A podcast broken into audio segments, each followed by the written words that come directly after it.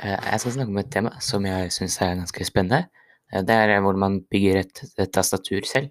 Så når man skal bygge et eget tastatur, så trenger man seks hoved...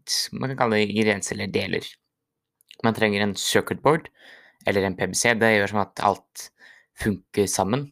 Du trenger også keyboard switches. Det er på en måte hva som får tastene til å funke sammen med PCB-en. Uh, det finnes mange forskjellige. Si, ganske vanlige mekaniske er blå. Den lager veldig typ klikklyd. Og så har du det som er motsatt, som er brun, som ikke lager nesten ikke noe lyd. Du trenger også keycaps. Det er hvordan si, tastene man trykker på, ser ut. Man trenger også stabilizers. Det, er, si, det bare forandrer hvordan si, keycapsene føles litt. Uh, man trenger også en case om backplate. Og så trenger man selvfølgelig en USB-kabel eller annen type strømkabel, så du kan koble det til med strøm. Det var egentlig at man trenger for å lage et eget tastatur.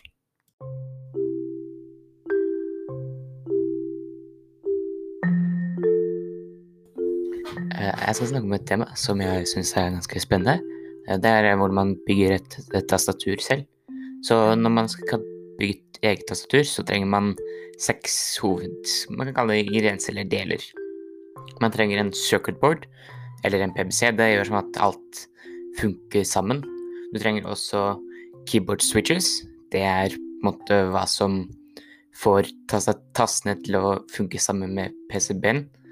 Uh, det finnes mange forskjellige. Ganske vanlige mekaniske er blå. Det lager veldig typ klikklyd.